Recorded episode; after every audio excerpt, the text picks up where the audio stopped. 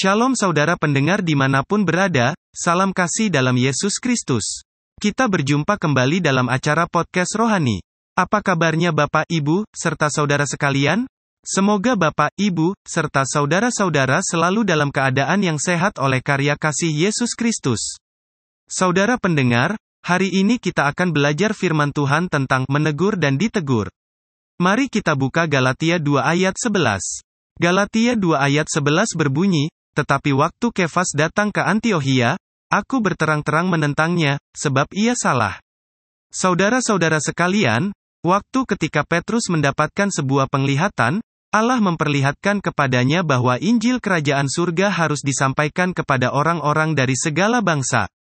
Kemudian, setelah masalah persunatan menjadi sebuah perdebatan besar di dalam gereja masa awal, Petrus berpendapat bahwa keselamatan adalah karunia Allah dan bukan karena hukum Taurat. Ia menyebutkan contoh keluarga Cornelius yang menerima Roh Kudus karena karunia Allah dan mendukung usulan Paulus. Petrus pergi ke Antiohia setelah majelis memutuskan bahwa bangsa-bangsa bukan Yahudi tidak perlu menjalani persunatan. Namun banyak jemaat bangsa Yahudi belum sependapat mengenai perlu tidaknya hukum persunatan.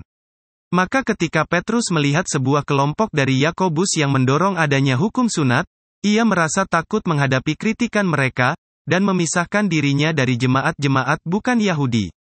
Dengan tindakan ini, Petrus secara diam-diam setuju dengan pernyataan yang salah mengenai kebenaran yang didapat melalui hukum Taurat.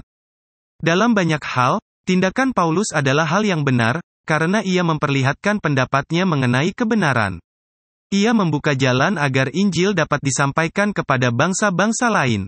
Yang lebih indah lagi, Petrus menerima teguran keras Paulus dengan rendah hati. Dahulu ia adalah murid yang keras kepala, namun ia dapat menerima teguran dan mengakui kesalahannya dengan tulus. Ini adalah pelajaran yang indah dan berharga, dan kita dapat melihat mengapa gereja masa awal dapat bertumbuh besar. Keberanian Paulus untuk menyatakan kebenaran, Tegurannya karena kasih kepada rekan sepelayanan, dan penerimaan Petrus atas teguran Paulus, semua ini merupakan tingkat kerohanian yang lebih tinggi.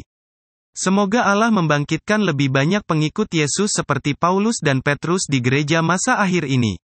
Demikian, semoga firman Tuhan hari ini membantu pertumbuhan iman saudara-saudara sekalian di mana pun berada. Sampai jumpa di podcast rohani berikutnya. Salam kasih, dalam Yesus Kristus.